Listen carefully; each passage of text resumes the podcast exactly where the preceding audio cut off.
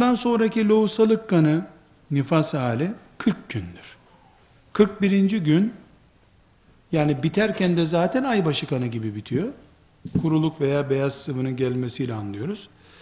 Ee, 40 günden sonrası yine 10. gündeki projemize döneriz. Yani 40. 41. güne geldik. Hala lohusalık kanımız devam ediyor. Hiçbir şey yok gibi devam. Hem kocasıyla ilişkilerinde artık bir sorun yok. 40. gün yani e, doğum mesela öğlende olmuştu. 40. gün öğle dolduğunda e, lohusalık bitti. Gider guslünü alır normal hayatına hiçbir şey yokmuş gibi devam eder.